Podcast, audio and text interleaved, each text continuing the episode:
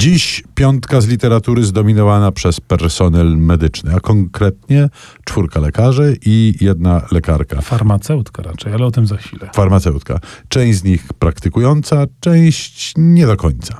No takim jednym z najsłynniejszych lekarzy literackich jest, jest oczywiście twórca Sherlocka Holmesa, Arthur Conan Doyle, Sir Arthur Conan Doyle, który to zostawił po sobie bardzo przyjemnie się czytające e, pamiętniki. One zostały dość dawno temu wydane, znaczy w ogóle bardzo dawno temu, jeszcze hen w czasach przedwojennych, ale znowione w latach 90.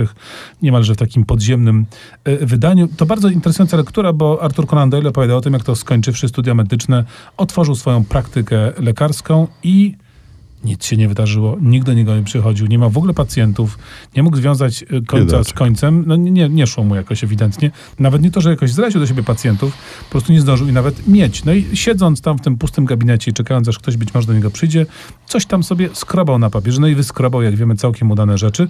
Nawiasem mówiąc, jednym z głównych źródeł inspiracji, co, o czym też mówi e, w swoich wspomnieniach e, do postaci Sherlocka Holmesa, był jeden z jego wykładowców ze studiów medycznych, który miał taki właśnie bardzo precyzyjny sposób snucia wywodów e, logicznych, no a przecież postać Johna Watsona, narratora sherlockowskich powieści, to niemalże jeden do jeden przypadek Artura Conana Doyle'a, w tym sensie, że jednak ich biografia i wykształcenie zawód medyczny były bardzo, bardzo podobne. Kolejny lekarz na naszej liście miał równie trudny romans z medycyną, Stanisław Lem.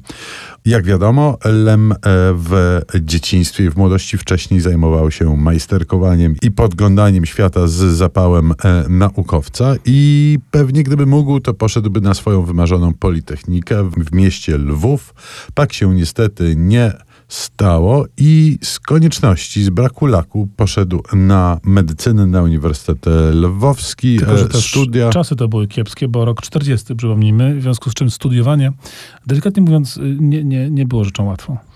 Tak, e, poszedł zresztą na studia głównie dlatego, żeby uniknąć poboru do wojska, żeby było śmiesznie na studia medyczne, które wrócił po wojnie, przerwał je z tego samego powodu. To znaczy absolwenci medycyny w PRL-u, e, w tym wczesnym stadium PRL-u, byli zobowiązani do służby wojskowej, więc Lem koniec końców medycyny nie skończył. Natomiast na pewno jego wiedza, szczególnie z zakresu nauk przyrodniczych, przydała mu się później w jego karierze pisarskiej, a jego debiut, nie debiut, bo jak pamiętamy, pierwsza książka napisana przez Stanisława Lema nie ukazała się jako pierwsza. Szpital e, Przemienienia to tak naprawdę pozbierane jego doświadczenia medyczne, ubarwione literackim geniuszem oczywiście. Przypomnieliśmy sobie zatem dwóch bardzo znanych, bardzo wielkich i silnie naznaczonych medycyną lekarzy. Zróbmy tutaj przerwę.